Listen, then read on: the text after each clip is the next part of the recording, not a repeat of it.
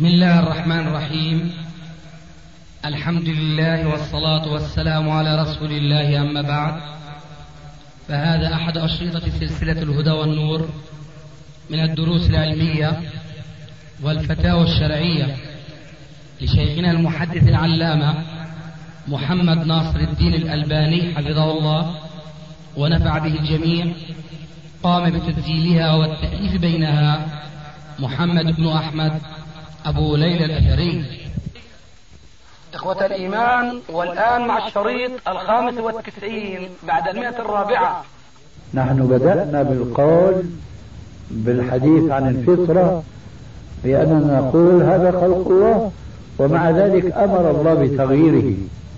قص الأظافر تغيير إلى ما إلى غير ذلك مما ذكر آنفا. ولكنه على العكس من ذلك.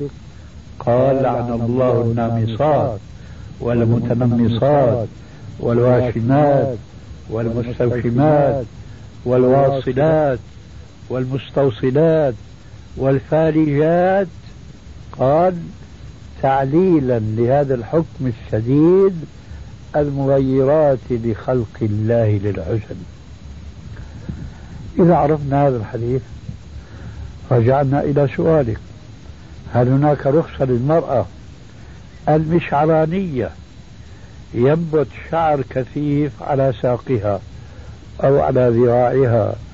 هل يرخص لها بأن تنتف وتنمص هذا الشعر؟ نقول لا لأنها تدخل تحت هذا الحديث لعن الله النامصات والمتنمصات. كأن سائلا يقول لما يا رسول الله؟ قال المغيرات لخلق الله للحسن. لماذا تنتف شعر ذراعها؟ لماذا تنتف شعر ساقها؟ تجملا وتحسنا. هنا بعض ال... لا أقول. نعم. هنا يقول بعض المتفقهة ولا أقول الفقهاء. أنه يجوز للمرأة أن تنتف شعرها من ذراعها من ساقها من خدها من أي مكان من بدنها. إذا كان زوجها يريد ذلك منها بل ويصرح بجواز أن تتخذ المرأة الباروكة إذا كان زوجها يريد ذلك منها. هذا الذي يقول هذا الكلام يقدم طاعة العبد على طاعة الرب مع صراحة الحديث العام لا طاعة لمخلوق في معصية الخالق. هذا مبدأ عام. وهنا لعن الله النامصات والمتنمصات والواصلات والمستوصلات المغيرات لخلق الله للحسن مع ذلك يقول إذا الزوج يرضى هذا لا بأس من ذلك. هذا فيه كل البأس. في مخالفة للحديث الصريح الصحيح المتفق عليه بين البخاري ومسلم. فإذا يجب نصح هذه المسلمات بأن لا يتورطن بنتف ما لم يأذن به الله عز وجل أو بحلقه. لا فرق بين النمص وبين الحلق إلا من حيث قوة مفعول النمص أكثر من الحلق وإلا كل دروبة طاهون. بدليل أن التي تحلق شعر ساقها ولا تنتفه. ألم تغير خلق الله؟ الجواب نعم. لكن النتف ربما يبطئ نبات الشعر من جديد أكثر من الحلق. هذا فرق غير جوهري غير أساسي. لأن كلا من الحلق والنتف يتحقق فيه تغيير خلق الله للحسن. هذا جواب ما سألت. شيخنا تنصر عن نفس الموضوع. يعني رأينا نساء في أمريكا ينبت لها شوارب ولحى لا يجوز أيضا أن تزيل هذا الشعر والله في رأيي لا يجوز. ولو كان بيجوز الحلف بالطلاق لحلفت بالطلاق خلينا نتفضل شيخنا والآن أجا دور الدرس الندر اللي غير مقصود. ما هو يعني في آه، قصة حدثت عنا بالعيلة. أختي ابنها الصغير إيده بيمسكها الأسانسير. فما ما بيقدر يطلع إيده بيجوا بيصيروا حديد وهذا ما في فايدة. فهي من خوفها وهلعها بتحكي والله يا محمد لو إيدك طلعت بسلام لاصلي مليون ركعة. فما حكم هذا؟ سألت عن شيخنا بشرنا بكل شيء طلعت اليد بالسلامة آه الحمد لله. إيه الحمد لله هذا المهم. راح سألك عن مليون رقم تتذكر؟ إيه نعم هذه يجب أن تطعم عشر مساكين كفارة النذر الذي لا يمكن الوفاء به. طعام عشر مساكين اي نعم. جزاك الله خير. السؤال الأخير توضيح صيام يوم الجمعة والسبت. لأنه هناك مشايخ من قالوا لنا أنه يجوز صيام بما أنه منهي عن صيام يوم الجمعة إلا قبله يوم أو بعده يوم كما إحنا قرأنا في الحديث. ففي شيوخ أجازوا الصيام صيام يومي الجمعة والسبت متتابعين بدون الخميس ولا الأحد. فإذا ممكن توضيح صيام يوم الجمعة والسبت. كلمة ولا الأحد مش واردة في الموضوع. صح؟ نعم نعم. هو لا شك الحديث صحيح. لا تصوموا يوم الجمعة إلا يوما قبله ويوما بعده. وهذا صريح بأنه اليوم اللي بعد الجمعة هو صيام يوم السبت. فظاهر الحديث آه، يتعارض بادي الرأي مع قول عليه السلام لا تصوموا يوم السبت إلا فيما افترض عليكم. ولو لم يجد أحدكم إلا لحاء الشجرة فليمضوه. فلما استثنى الرسول عليه السلام بعدما نهى عن صيام يوم السبت ما افترض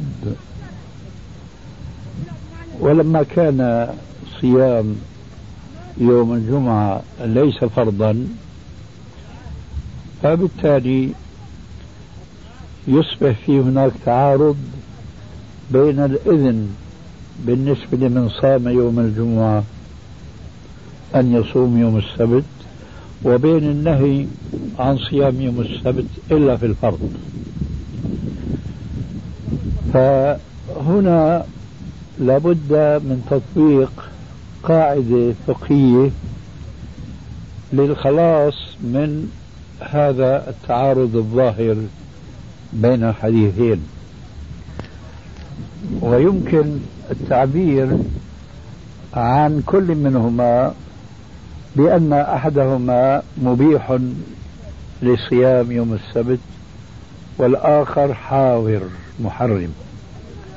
والقاعدة الأصولية تقول إذا تعارض حاضر ومبيح قدم الحاضر على المبيح.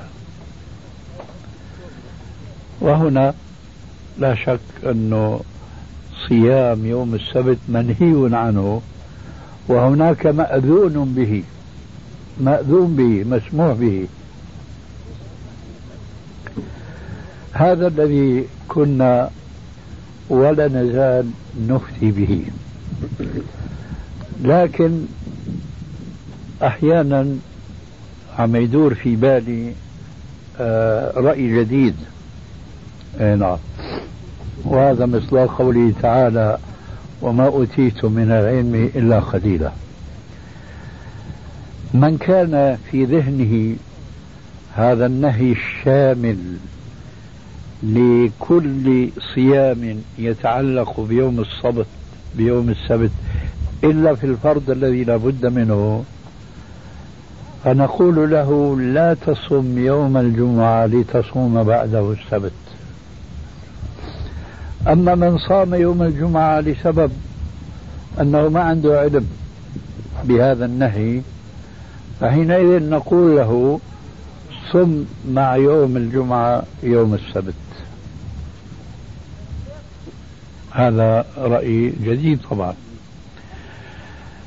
يبقى عموم حديث لا تصوموا يوم السبت إلا فيما افترض لا يتعارض مع الأمر بصيام يوم السبت مع الجمعة لمن صام يوم الجمعة. أما الذي لم يصم يوم الجمعة فلا يجوز له يتقصد صيام يوم السبت. هلا مثلا الناس كان صار بعض المناقشات يمكن بمناسبة عاشوراء وغيرها. مثل ما صار هلا بالنسبة لعرفة مو هالسنة صار؟ آه صار سبت لا عرفة الجمعة. صار سبت فيما مضى في بعض السنين يمكن في العاشوراء وسبت أو ما شابه هذا الشيء. فهنا الحكم هو نفسه أنك صيام أو عاشوراء صادف يوم السبت هل هو فرض؟ الجواب لا. لكن من صام يوم الجمعة فصيام وحده منهي عنه. منهي عنه. فإذا صام يوم الجمعة للخلاص من مخالفة من وقوف النهي يصوم يوم السبت. فرضا. آه. هذا الشيخنا كلمة فرضا هنا بتحل الإشكال إذا ورد إذا يرد إشكال. أي نعم. أستاذي. آه. يصوم الآن من لم يصم الخميس وصام الجمعة آه. فرض عليه أن يصوم السبت. أي نعم. فهنا ما في شيء جديد إلا هذه اللفتة اللي تفضلت فيها بس, بس الإذن هيك. اي نعم. آه شيخنا؟ بس هيك ما خرجت عن القاعدة ما خرجت عن القاعدة شيخنا الأصل. اي ما شاء مين الله. اللي مسكها؟ شيخنا إلك حذر الطير هذا؟ ما حكم تربية الطيور في البيوت؟ مين اللي مسكه؟ يعني هذا فرق ما بيطير حتى استطاع انه يمسكه ولا كيف؟ المرة كان ماسك شيخنا وعطى يعني لو ترك بطير ما شاء الله لا بارك قوة الله. هاي عجيب خلق الله. وين تبع أمريكا والسود هذولاك؟ بيطلع لهم لحية. خليه يشوف المنظر هو. لا. هي بجيل بس ذاك عن الوطواف ولا برضه عن هاي الطيور. في البيوت في الاقفاص مثل تربية ال- المواشي في ال... في. شو اسمها هي البيوت؟ طبعا آه زرايب عرفت علي؟ يعني هذا كله مما خلق الله لنا. إن الطير يعني سبحان الله يعني معروف عن الطير إنه يحب يعني ال- الاختلاط حرية وكذا وال... والغنم ما بيحب يطلع على هو البرية يطلع وصاحب صاحبه لا أقصد إنه أقصد الغنم يسرح فيهم صاحبهم بيطلعهم بس الطير ما بي- جاب عن اشكال تربيه العصافير وكذا على كل حال في كثير من الأحيان بيضطر الواحد منا أنه يفلسف الموضوع تجاوبا مع السائل المتفلسف. لكن الحكم يا أبا عمير ما فعل النغير سمعت هذا الحديث؟ تمام. أه هنا الجواب. شيخنا هنالك من يقول بأن الإنسان إذا يعني تمنى أو دعا الله أن يكون الحق في جانبه في مسألة ما مثلا فيها نزاع وفيها أقوال وفيها كذا يقولون بأن هذا من الهوى. فينبغي أن يكون يعني مثل متجردا. ثم يبحث ويتوصل إلى شيء هي عدوية هذه أي نعم. أي هذا الذي يقول هذا الكلام شو رأيه في دعاء الرسول عليه السلام في قيام الليل اللهم اهدني لما اختلف فيه من الحق بإذنك إنك تهدي من تشاء إلى صراط مستقيم شو إني قال له شو هن إيه؟ شو هي؟ قال له هذه هي أي شيخنا قد يقال. واضح؟ بردك يا عبد الله. شيخنا. نعم. قد يقال هنا يعني تختلف صورة السؤال عن الجواب والله من. أي ناحية؟ لأنه هنا قال اللهم اهديني لما اختلف. إيه. أنا ما أقول أنه أسأل الله أن يجعل ما أقول صوابا. سؤالك عن من قال أسأل الله أن شو شو الفرق؟ أنه هنا قال يعني أسأل الله أن يهديني لهذا المختلف فيه. لا أقول أنه أن ما عندي هو الصواب. وهذا وذاك يسأل الله أن أن أن يكون ما عنده صوابا. أنا ماني شايف في فرق خلينا ندندن شوي تفضل شيخنا أنت شو كان سؤالك؟ أيوة تمني أن يكون ما عنده صواب وعند غيره خطأ. كان نوضحها في كلمة عند غيره؟ يعني زيادة هاي. لا. أنت لا تشكلها الآن انت مع مين قاعد تحكي يا لأنه ما هلا هلا هاي بتغير آه، الجواب. تبعي معلوم. آه. هذا لازم. يعني الإنسان يتمنى أن يكون ما عنده هو الحق في مثلا مسألة فقهية مسألة ما. معليش بلا مفهوم مسألة فقهية. يتمنى أن يكون هو المصيب فيها. وغيره؟ وغيره غير مخطئ. غير مصيب هذا ما بيجوز هذا ما بيجوز لكن أنت ما ذكرت الغير آنفا. لأنه هنا يأتي تعارض صريح مع قوله عليه السلام لا يؤمن أحدكم حتى يحب لأخيه ما يحب لنفسه. ومن هنا بتلاحظوا إنه سؤال عن سؤال بيختلف. كلمة بيتغير. بالنسبة للسؤال الأول آه. يعني يتمنى أن يكون هو المصيب دون أن نقول يعني يتمنى خطأ غيره. هذا هو الذي أجبتك بحديث اللهم رب جبرائيل وميكائيل وإسرافيل. بس يا أخي مرة شيء في هذه. صدق الجواب عن هذا. هل يختلف الأمر؟ شيخنا ألا يقال هنا أن تمنيه أن يكون هو المصيب يستلزم أن يكون غيره المخطئ لا مش بالصراحة هاي. هذا هو. أيوة. هذا منطوق مفهوم. وال- والسابق منطوق. أيوة. ومن ومنطوق النص حجة. المفهوم تارة وتارة. ما شاء الله وهنا يقال إنما الأعمال بالنيات. سبحان الله بالنسبة للسؤال الذي مضى بالنسبة للصيام إفراد يوم السبت نعم. طيب إحنا الآن آه، المسألة في آه، قبل أيام. يوم الجمعة وهو يوم آه، وقفة عرفة. فهل يجوز إفراده؟ لا ما؟ يجوز ما يجوز. ما يجوز لأنه ما إفراد يوم الجمعة بالصيام. في حديث إلا أن يكون صيام يصوم أحدكم. إيه إلا يوما قبله. لا الحديث الآخر كما تعلم بارك الله فيك. إلا أن يكون صيام صيام يصومه أحدكم. فممكن يكون يوم الجمعة صيام بده يصوم يوم عرفة. يكون صيام يصومه أحدنا؟ شو الحديث الآخر يا إلا أخي أن يكون صيام يصومه أحدكم. إيه هذا الحديث مفسر إل- بالحديث الآخر يوما قبله أو يوما بعده. يعني هذا ليس بتخصيص لا أبدا ليس تخصيصا هذا تفسير. وليس تخصيصا بدليل أنه نهى عن إفراد يوم الجمعة بصيام. فهنا أفرد ولا ما أفرد؟ أفرد. أفرد. هذا من جهة ومن جهة أخرى هو ما ذكرته لك آنفا. إلا أن يكون في صوم يوم أحدكم. هذا مفسر إلا إذا صام الخميس أو السبت. هذا معنى صوم يوم أحدكم. يعني إذا ليس- المراد هو مجرد الموافقة لا قصد التخصيص كما نعم. يقول بعض الناس. إيه نعم. الناس يقول لك أنا ما خصصت هذا ليس بمراد إنما المراد هو عين الموافقة. بالفعل نعم. ال- المبلغ الذي يأخذه المرشد أو الإداري الذي يعمل بالأوقاف حينما يخرج مع الحجاج ما حكم حله؟ إن شاء الله يعطوا إياه في بيته. بس هو ما يطلبه هو ما يطلب. نعم.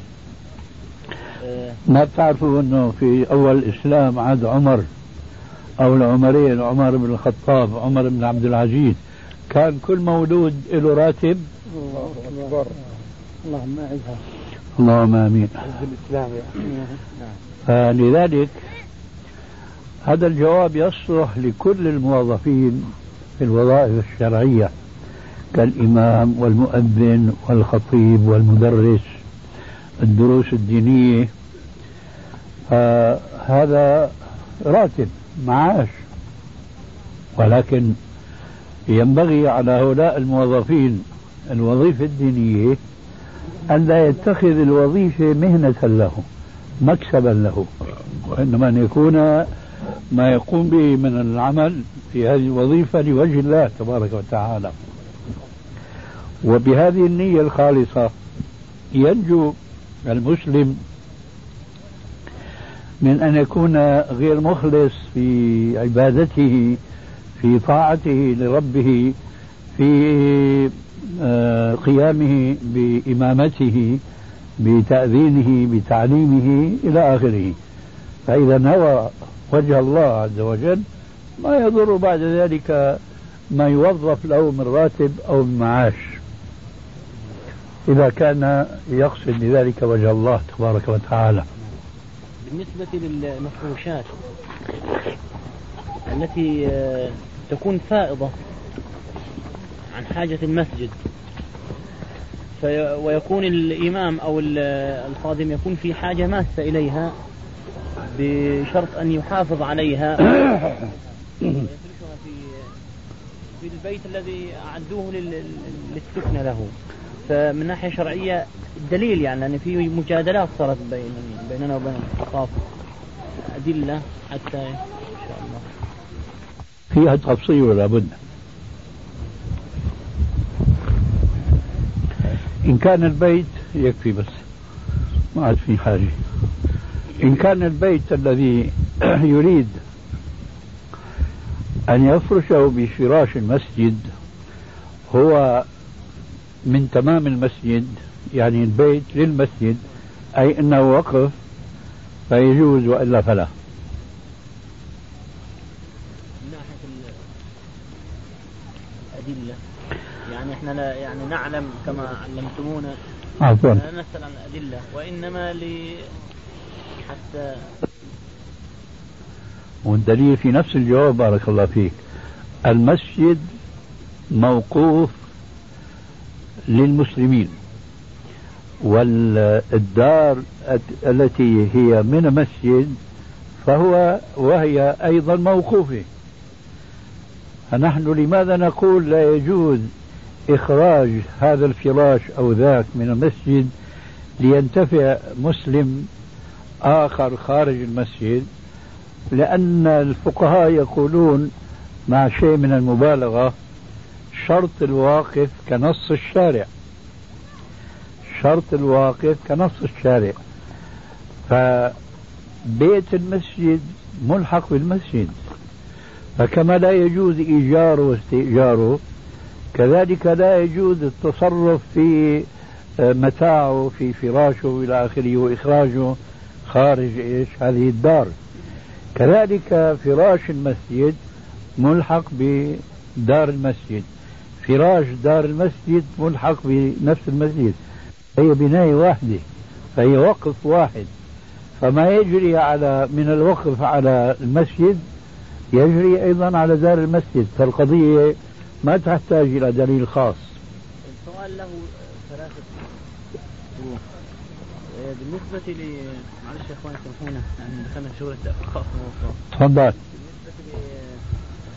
للماء يعني الإمام أو القادم يزرع شيء مثل بندورة أو كذا ليأكله. وين بزرع؟ في في منطقة بجوار المسجد. الأم يعني حتى يستخدمها لنفسه. لا ما تقول في منطقة جوار المسجد. إما أن تقول في المسجد أو خارج المسجد. هي تعتبر ليش؟ لأن لو زرعت إيش ليش؟ عم تعلل لي أنت ما أعطيت جوابي. أنا عم أسأل. ها هذا هو الجواب. خارج المسجد؟ بعدين يمكن ما تحتاج قلت لي ليش. أي نعم. هي خارج المسجد؟ خارج المسجد. طيب. هذا الخارج عن المسجد. أرض مشاعة ولا مملوكة؟ أرض مملوك إذا ما يزرع في أرض مالك فهو له وليس للزارع إلا أن يؤذن له. يؤذن طيب. فحينئذ يعني يعني يعطيني المجال إن أزرع كما كويس. هذه التفاصيل كلها ما إجت من سؤالك. لكن ضرورة البحث والاستفصال اجى هذا البيان حينئذ نقول لا فرق بين هذه الأرض التي هي بجانب المسجد أو هي بعيدة عن المسجد ما دام صاحب الأرض أذن لزيد من الناس أن يتمتع بها بزرعها بسكنها. صار كأنه مستاجر كأنه مالك فلا شيء في ذلك ولا يجوز لأحد أن يشاركه في الانتفاع بما زرع إلا بإذنه هو. أسأل عن الماء. أستخدم ماء المسجد. ما يجوز. ما ما بيجوز هل تأذن. لغيرك أن ينتفع بماء المسجد لبيته لأهله وهم لا يسكنون دار المسجد؟ الجواب لا. الجواب لا. ما بدي حتى هنا. ك- كلمة حتى هنا آه، أيضا مثلا في يسموه دوار مزروع فيه أشجار تابع للمجلس القروي بياخذوا من ماء المسجد أيضا. آه، بيسقوا هذا الدوار نفس الجواب يعني لكن هم أبلغتهم لكن هم ما بيردوا علي لست عليهم بمسيطر. ماء المسجد يعني فيه مثلا مواسير ولا آه تنكات ولا؟ لا في لا مية عادية تأتي من. لست عليهم بمسيطر. لكن شيخنا لو اجى واحد دفع نفترض قال أنا مثلا أدفع كل آخر شهر قيمة هذه الماء. يجوز يتصرف كما يشاء فيها ال- الإمام يعني؟ يتصرف في ماذا في الماء في الماء ان أن يعمل الدوار أو يسقي أهل بيته أو يستخدم الماء كما يشاء إيه، والمال هذا اللي بياخذه شو بيسوي فيه؟ يدفعوا بدل الماء المال اللي بياخذه نعم. المال اللي بياخذه نعم. بدل الماء شو بيسوي فيه؟ الماء يسمع ما فيه آه. مش الماء يا أخي. المال المال. المال نعم. اللي هو ثمن الماء. نعم. شو عم تفترض عم يسوي فيه هذا الإمام؟ المال الأول شيخنا اللي بيجي عادة لل- للمية يا أخي أنت عم تسأل حسب ما فهمت إنه إمام المسجد يبيع ماء المسجد للمحتاجين يبيع لا شيخنا ما قصد واذا شو قصد؟ قلت لو جاء أحد الناس قال أنا بدفع قيمة هذه الماء تبعت المسجد يعني هاي الله يهديك لمين يدفع؟ آه. للبلدية فاتورة يعني. فاتورة. وهو يدفع. ثمن أي الماء نعم ويدفع فروس المية بدل ما تدفعها الأوقاف هو طبعا مال الوقف هذا. أنا ما بعرف الكهرباء والمية. في فاتورة بالنسبة للكهرباء ومية المسجد؟ فاتورة يدفعها الأوقاف والله أعلم. نعم فأظن الماء آه، ما بي آه، لا لا الماء ولا الكهرباء يا جماعة. لا كانوا يأخذوا من الكهرباء قبل. وهلا قبل فترة وعلمت من حوالي ش- أربعة أشهر أن هم ما الآن ما بيأخذوا الكهرباء من البيوت اللي هي نحن تابعة. نحن بنعرف في عمان الكهرباء اللي في بيت المسجد يسكنه إمام المسجد؟ ما في عندهم ساعة ولا يسجل عليهم. على حساب المسجد. نعم؟ إيه؟ على حساب المسجد. إيه؟ فهذا هون أنت عم تصور شيء ما هو واقعي. يعني فهمت شيخ انه كل مسجد بيدفع يعني المصاريف هذه وبحاسب فيها الأوقاف. أنا هيك فكرت يعني. لا نعم. يا شيخ. تعرفوا واحد من إخواننا اسمه أبو إيه رفيقه رفيقه. تبع البريد. آه تبع البريد. لا لا. ابو لا. ابو يوسف. أبو عماد سعيد. أبو السعيد لا. إمام مسجد هو أحيانا بيسوق سيارة بالأجرة. على رأس لساني أبو إيش؟ تبع مسجد أنس إيه. أبو اللي بالوحدات هذا مثلا الطرف. إحنا مرة صحيح جلسنا أبو رامي أحسن أبو رامي بعض أعداء الدعوة قدموا ضده في الأوقاف. أنه هذا بيصرف آه، كهرباء كثير ولذلك لازم تركبوا ساعة في بيته مشان تاخذوا منه أجرة الكهرباء. وكان راح ينجحوا. ضده. بعدين علمنا منه إنه كان على موعد في ليلة. ابو فارس رفيقه رفيقه. تبع البريد. تبع البريد. لا لا. ابو, لا. أبو يوسف. عماد أبو السعيد لا. إمام مسجد هو أحيانا بيسوق سيارة بالأجرة. على رأس ثاني أبو إيش؟ تبع مسجد انس إيه. ابو اللي بالوحدات هذا مثلا الطرف. إحنا مرة صحيح جلسنا رامز أبو رامي. أحسن أبو رامي. بعض أعداء الدعوة قدموا ضده في الأوقاف. أنه هذا بيصرف آه، كهرباء كثير ولذلك لازم تركبوا ساعة في بيته مشان تاخذوا منه أجرة الكهرباء. وكان راح ينجحوا ضده. بعدين علمنا منه أنه كان على موعد في ليله كان عندنا سهرة معه. وكان معه صاحبه بفارس تركوا السهرة لأنه عنده موعد مع واحد اسمه عبد العزيز جبر. هذا من إخوان مسلمين وعضو في البرلمان. قال في عنده موعد مشان هو يتوسط لهم لدى الأوقاف. أنه ما يتجاوبوا مع الظالم هذا اللي طالب من أوقاف إنه يركبوا إيش؟ ساعة للكهرباء فمن يوم أنا بعرف من قبل بس تاكدت إنه بيوت ال- المساجد ما بتدفع إجرة كهرباء ابدا. ولذلك استغربت الصورة اللي سألتها. نعم. شيخنا هاي لب طيب الشيخ بالنسبة شيخنا بالنسبة للمية. طبعا محتاج مية البيت من المسجد أيضا. ما نفس الجواب. أي نعم. نفس الجواب. طيب الآن إحنا يعني آه، ك- كاستشارة. نعم. زرعنا شوية بندورة وتركناهم حيبسوا وبدأ ما فيش مية بجواري إلا ماء المسجد. يعني في جار بعيد شوية يشق علي انني إيش؟ أسحب منه مية. يعني مسويها تفتاف يعني مواسير تأخذ نقد. ماذا أصنع الآن؟ أتركها تي بس و... ولا آه مثلا تقدير بقدر جاوبك إذا جاوبتني ماذا تصنع فيما بعد الآن؟ كيف يعني بعد انتهاء البندورة آه. خلاص إيه. آه. خلص موسم البندورة وعفى الله عما سلف يعني نسقي منها مثلا إيه.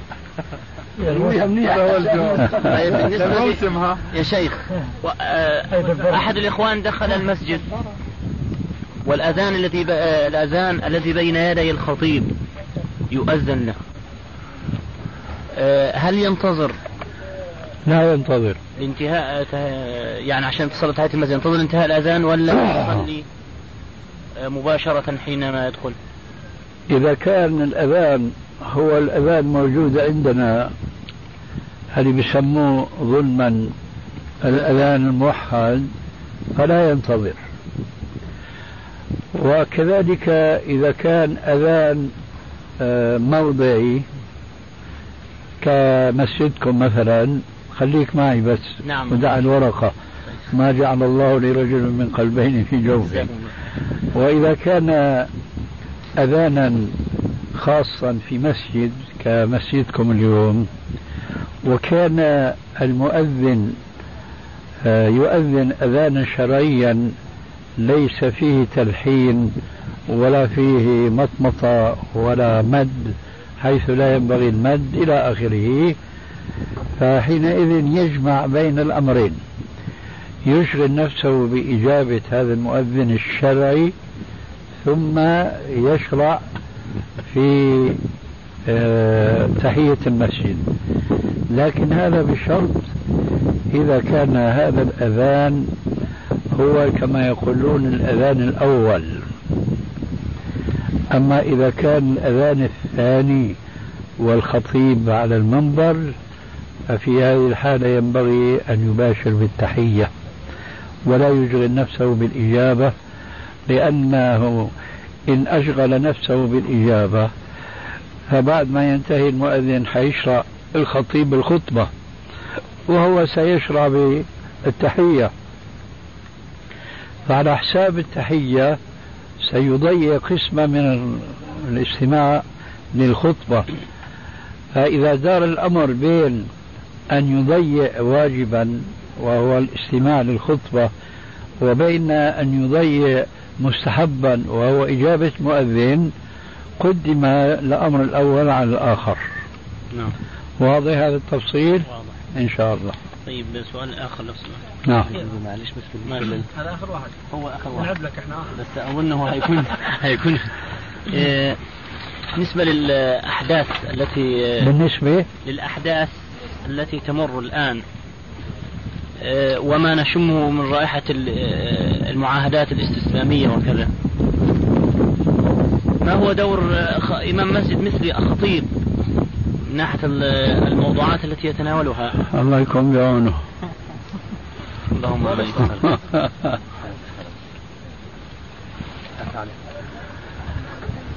طبعا يجب يعني أن يكون حكيما. إن كان لا يستطيع آه، أن يصدع بالحق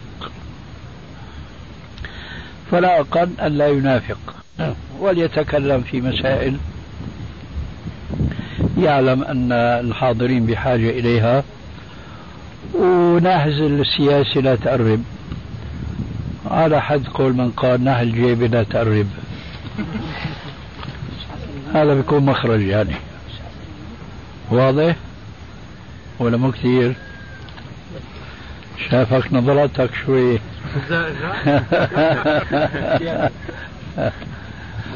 أخشى أن أن أن نكون ممن يسكت في توضيح الحق وكذا. إذا إذا بتكون في المسجد الحسيني ممكن. شيخنا؟ هنا في فرق؟ في فرق. هنا يعني؟ في عندك رقيب عتيد؟ لا شك لكل إنسان. لكن في منه يعني. في منه يمكن المؤذن. الله الله عنا وعنه. الله أكبر.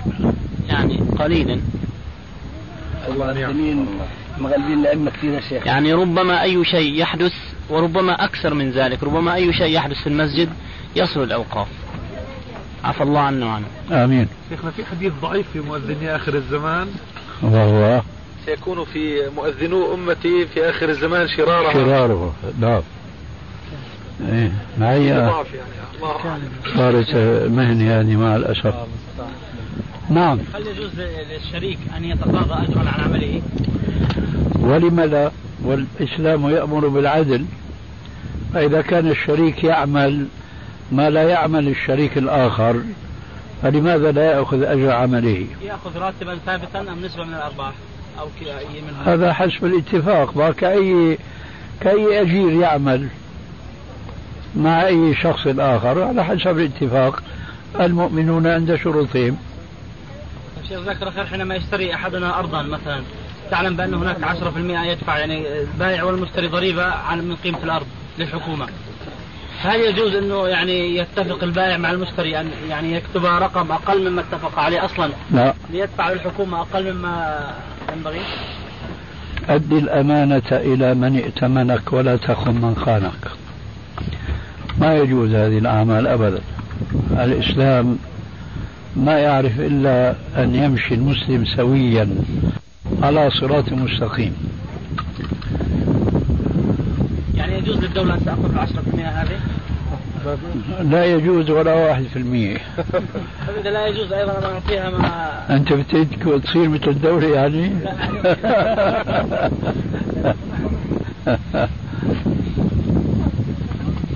هذا معنى الحديث يا أستاذ.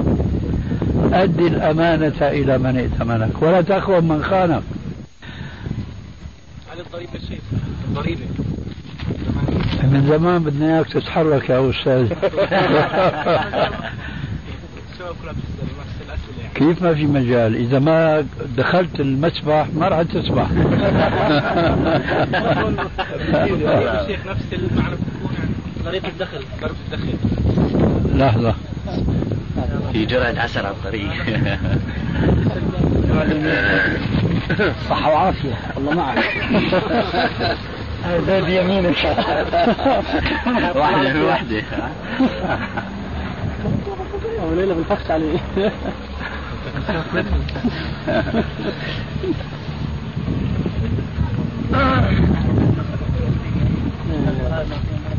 صحة وعافية. نعم ضريبة الدخل ما بالها؟ يعني هل تأتي لنفس المعنى اللي شرحته؟ إنه لا يحق للدولة أخذ؟ الأرواح طبعا. كل الضرائب كل الضرائب اليوم بدون استثناء غير شرعية. يمكن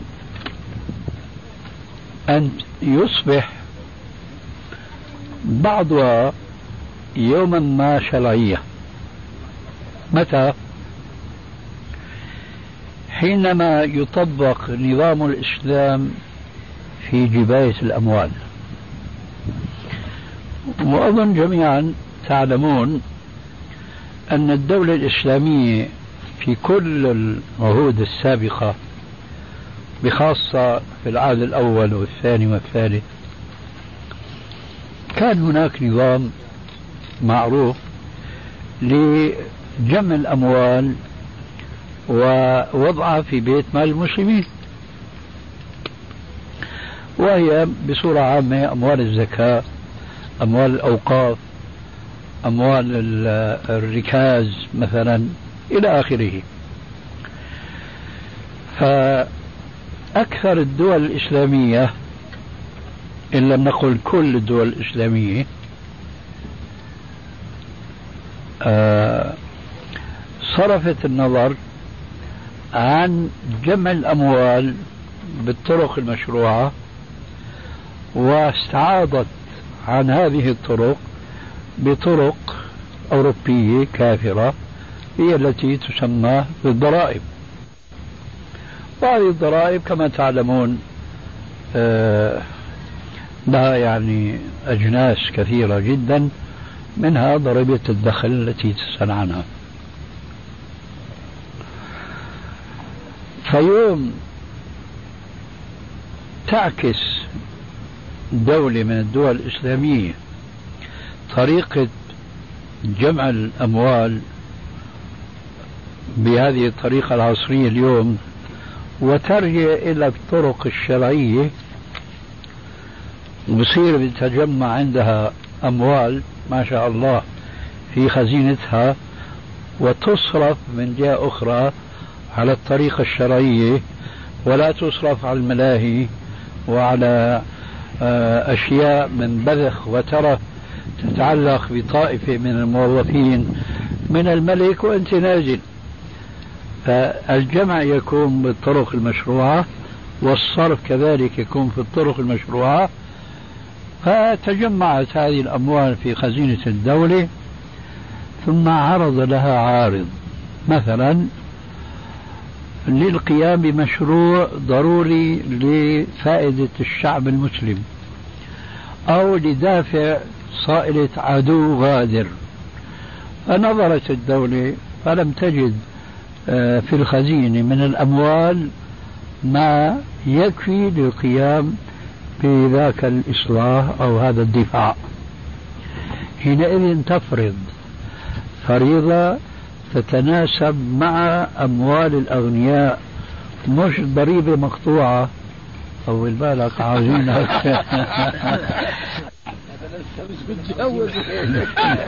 كيف بعد الزواج؟ دخل شيخنا بالكلام ف شوي هيك آه. حينئذ يمكن للحكومة المسلمة أن تلجأ إلى فرض ضرائب بهذا الشرط الأول بنسب متفاوتة على حسب الغنى أولا ولا تصبح ضريبة لازمة على مر السنين وإنما ما وجدت المصلحة وجدت هذه الضريبة وإلا فلا.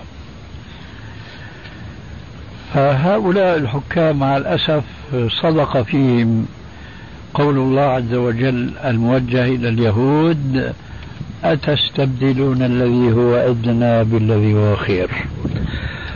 فهم استبدلوا الضرائب بإيش؟ بالشريعة. وهذا بلا شك سيكون عاقبة الأمر مش سيكون كان عاقبة الأمر وما ترون مما أصاب المسلمين من الذل والهوان حتى على أذل الأمم وهم اليهود. والله المستعان. لعلي أجبتك عن سؤالك كذلك نكون صادقين مع الحكومة وندفع بالضبط ما تطلبوا منا في الدخل أي نعم. أي نعم. شيخنا لو سمحت بالنسبة للبنك الإسلامي يجوز الأخذ منه؟ الأخذ منه ماذا؟ آه، يعني آه، لبناء بيت أو كذا؟ ما أوضحته أنا عارف سؤالك يعني بس بريد أن يكون إيه قرض حسن. لا ليس قرض حسن إنما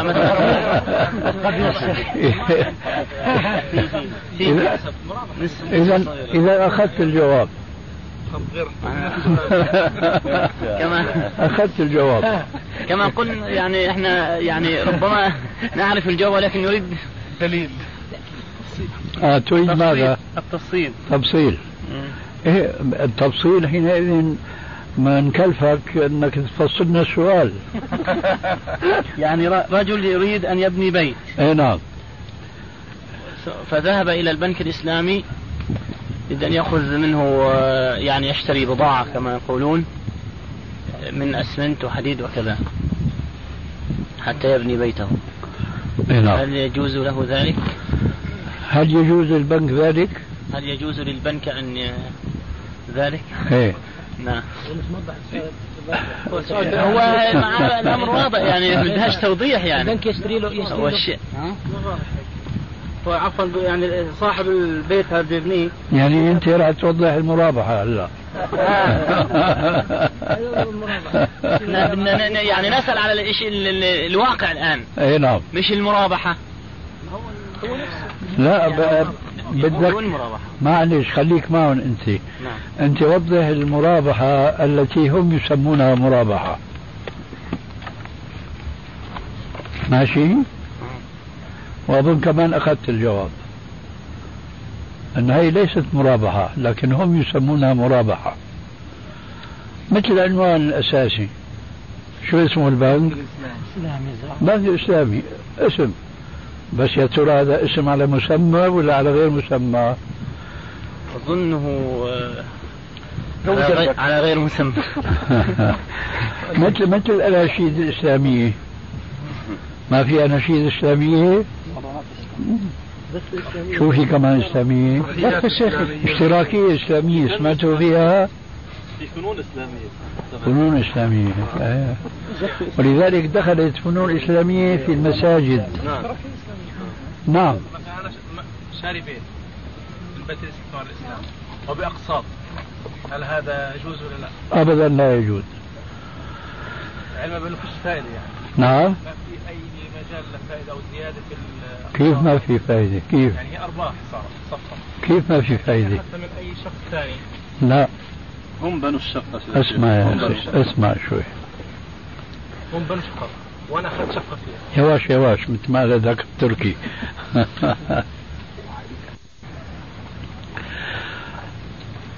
لو أراد إنسان ما أن يشتري تلك الدار نقدا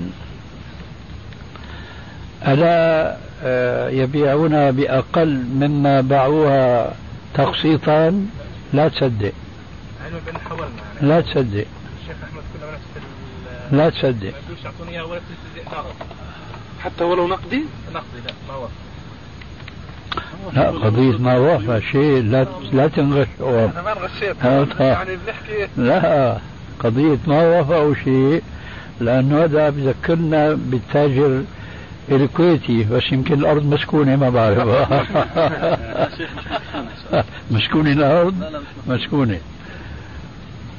زعموا بأن تاجرا للسيارات في الكويت وما أدراك الكويت يومئذ. بلغه خبر أنه لا يجوز بيع حاجة واحدة بسعرين نقدا بكذا وتقسيطا بكذا وكذا. اقتنع الرجل أنه هذا حرام ما بيجوز. فماذا فعل؟ فكان يبيع بسعرين نقد وتقسيط والتقسيط طبعا زايد على النقد صار يبيع بسعر التقسيط بالتقسيط. والنقد. بال... نعم. بالنقد بالتقسيط عفوا. السعر واحد. تشتري نقد تشتري تقسيط السعر واحد. بس هذا السعر الأعلى ولا الأدنى؟ الأعلى. فأنا قلت لما بلغني الخبر صح أو ما صح هذا بعد ثاني. لأنه لسنا الآن في دراسة أسانيد الأحاديث والتواريخ. سواء صح أو ما صح المهم أن هذا الرجل كان يظلم نصف زباينه. هل ما عندهم استعداد يدفعوا نقد؟ صار هلا بيظلمون جميعا؟ يعني هبسي بربر مثل ما قال ذاك التركي كمان. كلهم سعر واحد. فالظاهر أن البنك الإسلامي آخذ مدد من ذاك التاجر الكويتي. فهو ببيع بسعر واحد لكن هذا السعر اللي هو سعر النقد ولا سعر التقسيط. أنا بقول يقينا هو سعر التقسيط. لأنه بيربح مرتين. بسم الله.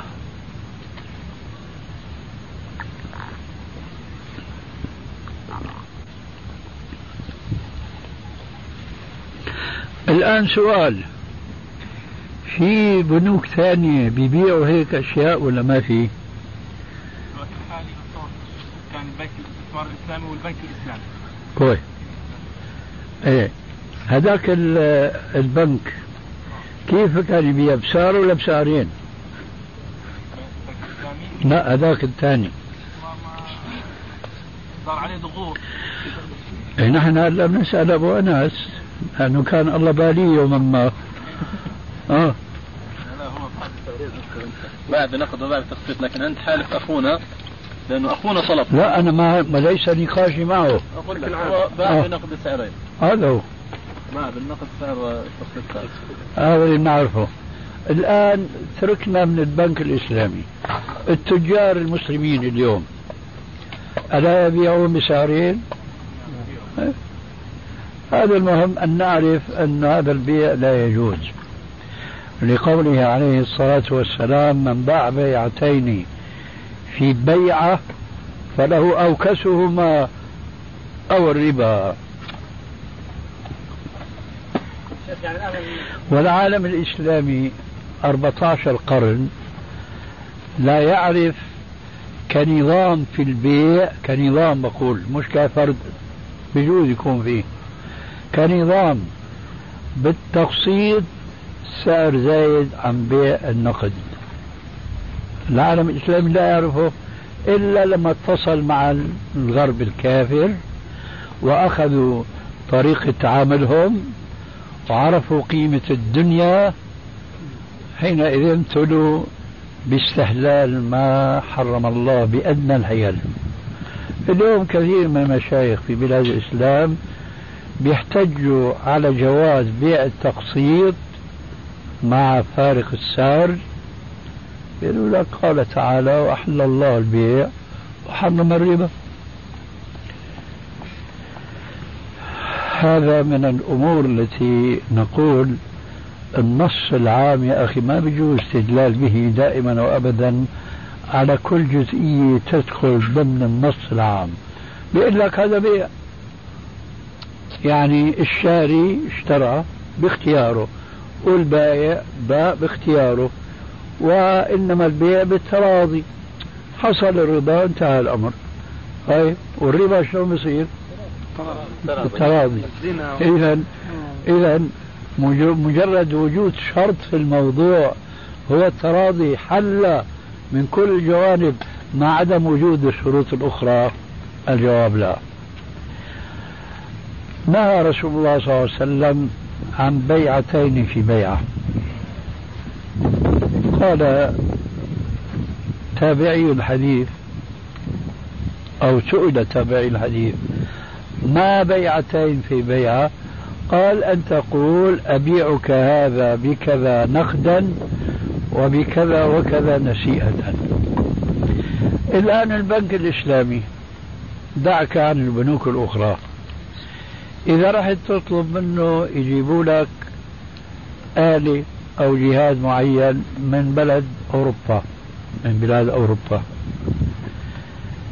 بيعمل حساب دقيق جدا. أولا بتكلف رأس مالها هل البنك بده يدفعه كذا؟ ألف. وجلبها وإيش إلى آخره كذا. كله بحساب على الكمبيوتر. وبالآخير بده ربح وبده فرق التقسيط. لو كلفته قلت له أنا بدفع لك سلفان بيعطيك سعر وإذا قلت له لا أنا ما بقدر أوفي إلا بعد كذا شهر. بيعمل حساب كذا شهر.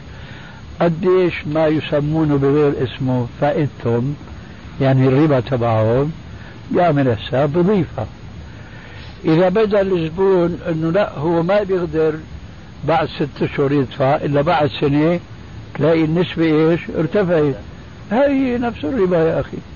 بس تغيرت الأسباب تعددت الأسباب والموت واحد. هذا وقع مع مع البنك الإسلامي مرارا وتكرارا. يعني بياخذوا ربا كما ياخذ المرابون تماما. مدة الوفاء قلت بتقل النسبة. زادت بتزيد النسبة.